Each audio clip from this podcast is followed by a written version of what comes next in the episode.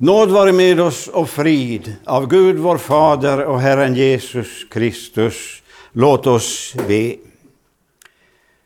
O Fader, vi välsignar dig för skänken av den lära som leder oss en säker stig till salighet och ära, som alla dårars löjen tål och alla svagas tvivelsmål och alla visas granskning. Amen. Predikotexten idag läser vi i Matteusevangeliets elfte kapitel från den 25 versen där orden lyder så i Jesu namn. Vid den tiden sade Jesus, jag prisar dig, Far, himlens och jordens Herre, för att du har dolt detta för de visa och kloka och uppenbarat det för de små. Ja, far, så var din goda vilja. Allt har min far överlämnat åt mig, till mig, och ingen känner sonen utom fadern, inte heller känner någon fadern utom sonen och den som sonen vill uppenbara honom för. Kom till mig, alla ni som arbetar och är tyngda av bördor, så ska jag ge er vila. Ta på er mitt ok och lär av mig, för jag är mild och ödmjuk i hjärtat. Då ska ni finna ro för era själar, för mitt ok är milt och min börda är lätt. Amen. Herre, helga oss i sanning. Ditt ord är sanning. Amen.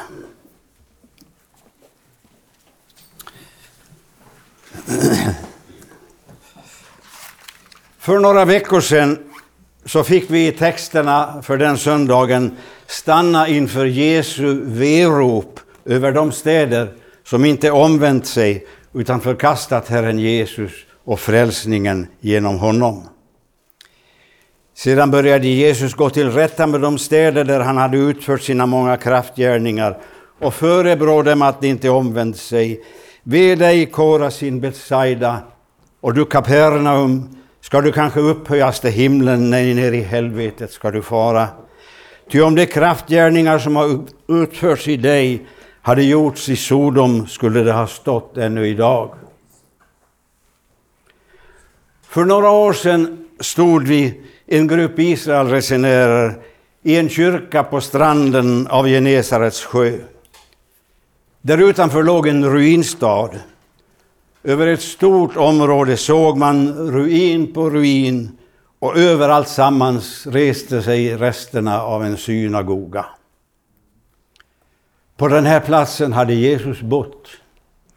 I synagogan och i staden hade han predikat. Här hade han utfört många kraftgärningar och där i kyrkan på stranden med Kapernaums ruiner i blickfånget blev de Jesu ord vi läste en allvarsam påminnelse om vikten av att ta vara på nådatiden. Att inte så försumma Guds nåd så att man istället drar domen över sig. Som en direkt fortsättning på Jesu verop fortsätter så Jesus med de ord vi har läst i vår text. Vid den tiden sa Jesus, jag prisar dig Fader, du himmelens och jordens Herre, för att du har dolt detta för de visa och kloka och uppenbarat det för de små. Ja, Fader, detta var din goda vilja. Vår predikotext idag utgör alltså en direkt fortsättning på Jesu verop över de städer som hade avvisat hans nådeskallelser. Invånarna där var för visa och kloka i andliga ting för att tro frälsningens ord från Jesu mun. De häpnade över hans undervisning. De såg de kraftgärningar han gjorde och ändå förblev han för dem timmermanssonen från Nasaret och inget mer. Guds rike förblev för dem en fördold hemlighet. De hörde och de såg, men förstånd och förnuft stod i vägen och så blev de kvar i otrons mörker. Vi läste om samma mörker i dagens gammaltestamentliga text. De gjorde sina hjärtan hårda som diamant, så att de inte hörde den undervisning och det ord som Herren Sebaot hade sänt dem genom gångna tiders profeter. Och så föll domen. Därför kom stor vrede från Herren Sebaot. Och liksom de inte ville höra när han ropade, vill jag inte höra när de ropar, säger Herren. Varför var det så? Jag nämnde i predikan på Kristi förklaringsdag, som kanske någon av er kommer ihåg, händelserna vid Caesarea Filippi. När Jesus frågar lärjungarna om vem folket tror att han är. Och svaret blir ju att det, det, det tror man olika om. Den ene säger ett och den andra ett annat. Och så frågar Jesus lärjungarna vad de tror att han är. Och så svarar Petrus då, du är Messias, den levande Gudens son. Och då säger Jesus att detta, eh, Simon Jonas son, du är salig. För det här har inte kött och blod uppenbarat för dig, utan min fader som är i himlen. I de här frågorna kommer den mänskliga naturen ohjälpligt till korta. Kött och blod, förstånd och förnuft, det är ingen framkomlig väg. Det har behagat den himmelske Fadern att dölja detta för de visa och kloka och att uppenbara det för de små, de enfaldiga, som det står i en annan översättning. Sådan är hans goda vilja, säger Jesus. Paulus säger i första Korinthierbrevet att det står skrivet, och så citerar han profeten Jesaja, jag ska göra det visas visdom om intet, och det förståndigas förstånd ska jag slå ner. Var är det visa, var är det skriftlärda, vad är den här världens ordvrängare? Har inte Gud gjort den här världens visdom till dårskap? Jo, eftersom världen i sin visdom inte lärde känna Gud i hans vishet, beslöt Gud att genom den dårskap som vi predikar frälsa dem som tror. Ja, detta budskap om korset är en dårskap för dem som blir förtappade, men för oss som blir frälsta är det en Guds kraft. Men nu kanske någon undrar om det är rätt att Gud stänger vägen för de visa och kloka.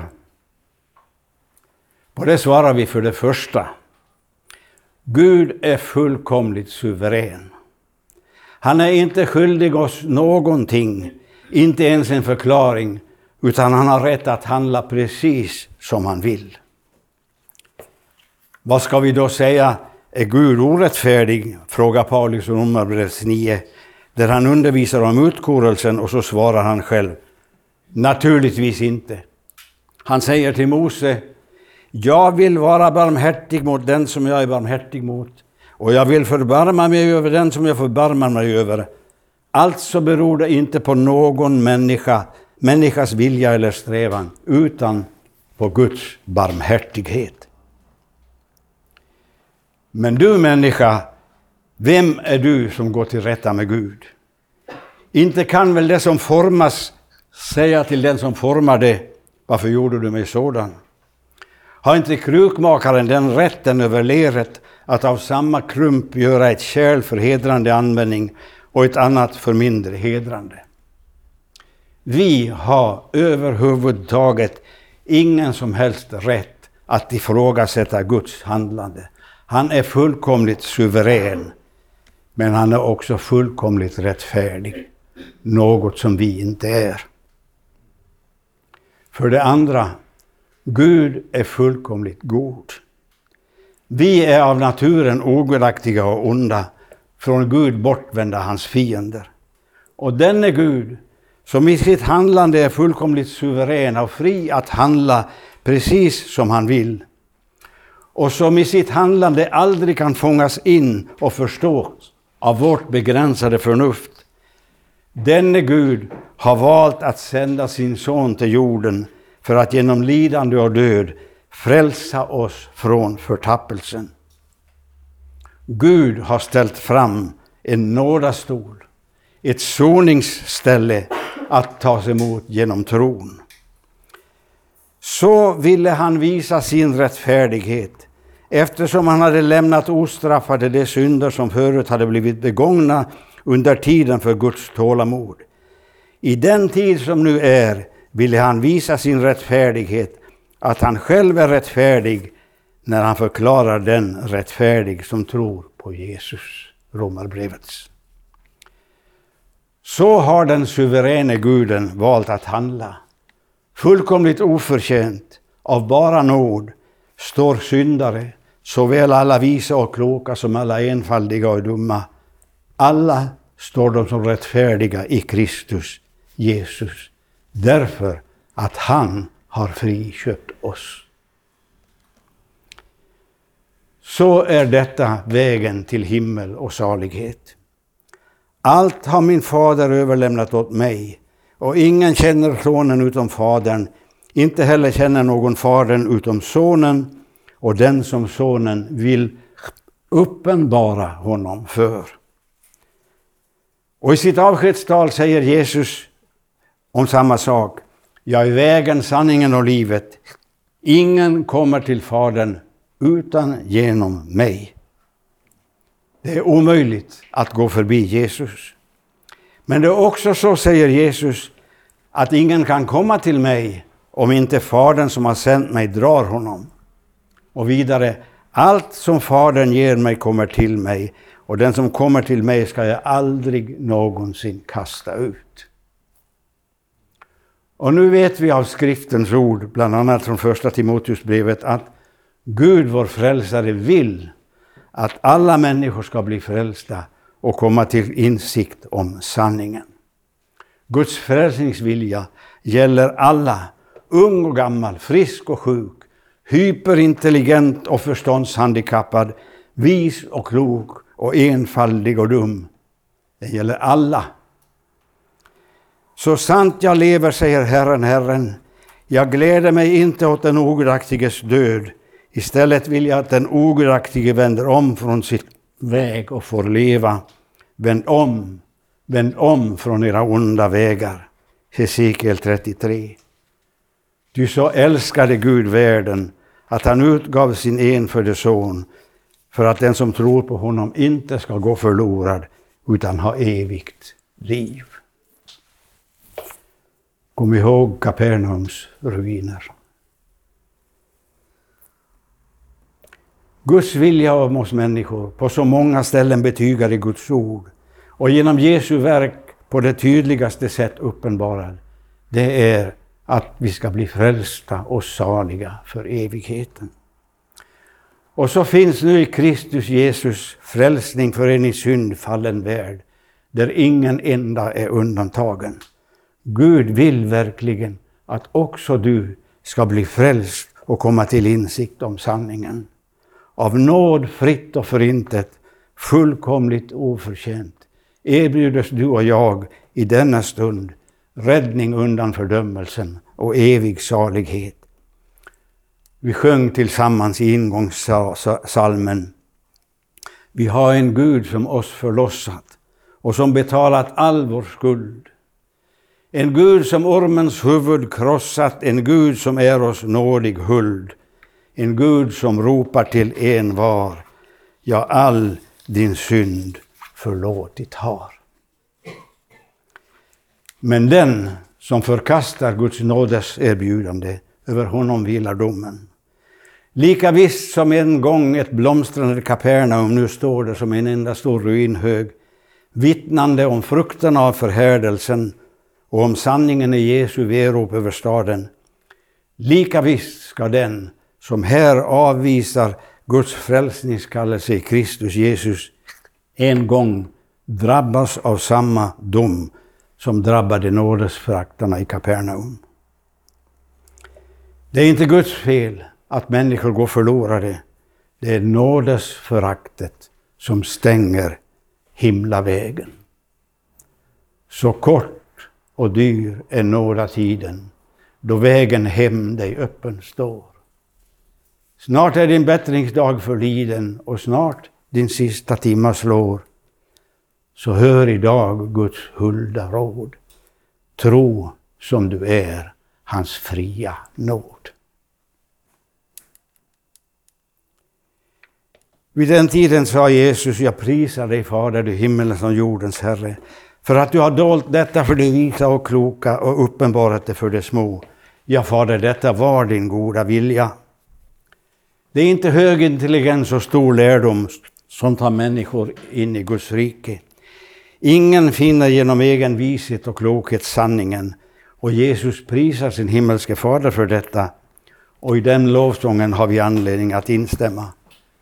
Tänk om inträdet i Guds rike var beroende av hur pass visa och kloka vi är.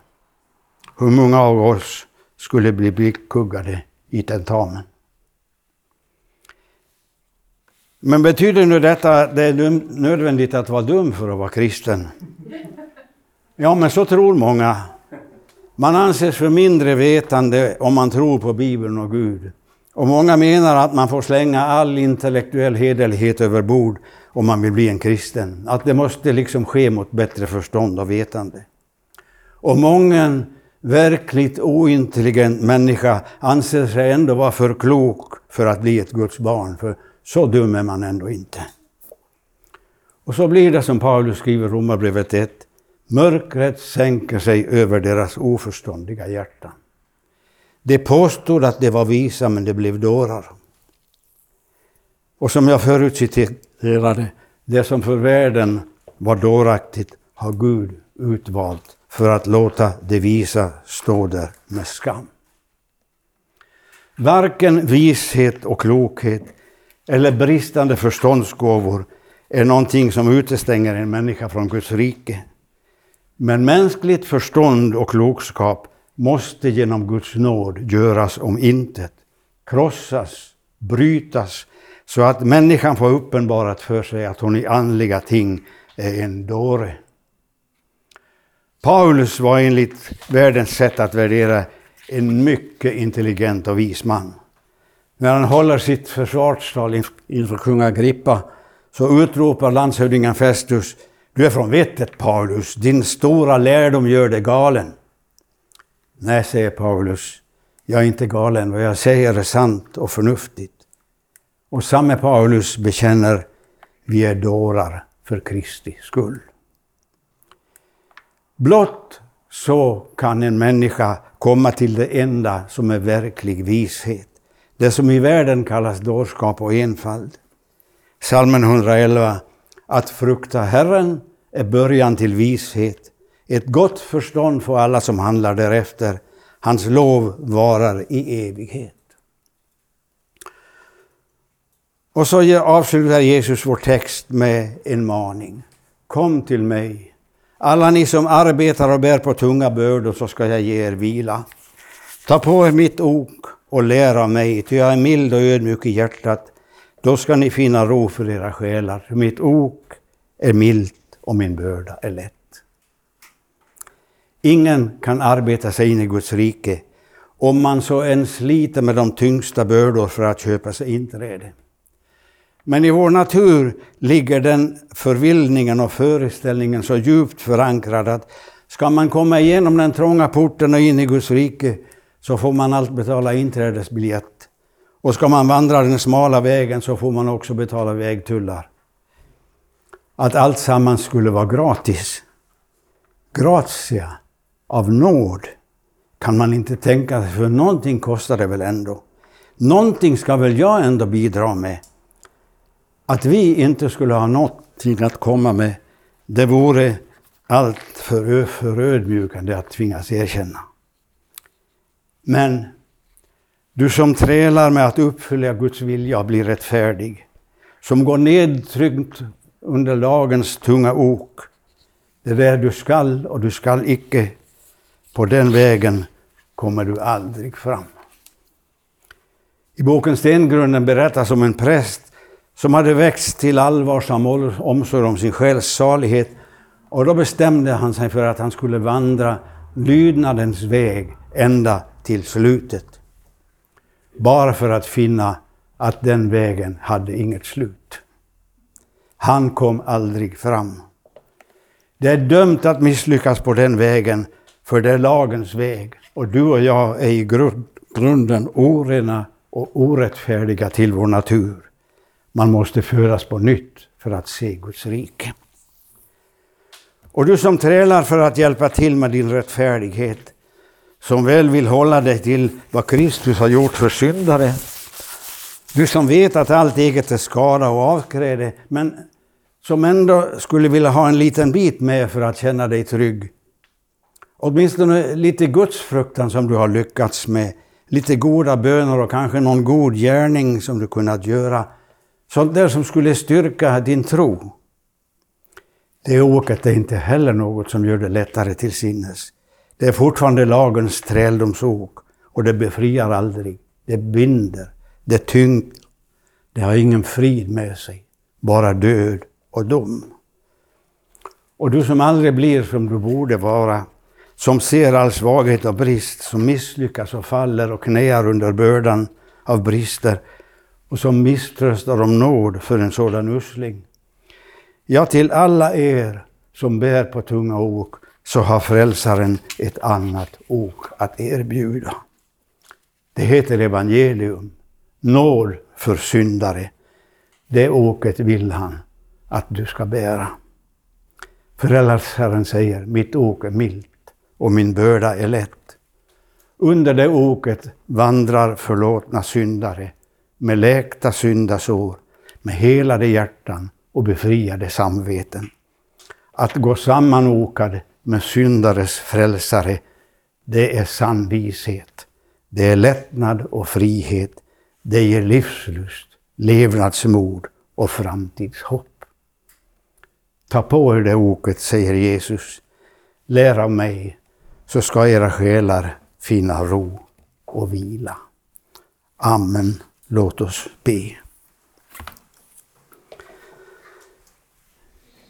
Vi tackar dig, Herre Gud, himmelske Fader, att vi fått höra ditt evangelium och därigenom fått lära oss förstå din heliga vilja. Vi ber dig, låt oss få behålla ditt heliga ords ljus. Styr med din helige Ande våra hjärtan så att vi aldrig viker av från ditt ord utan håller oss hårt vid det och får en evig salighet. Amen.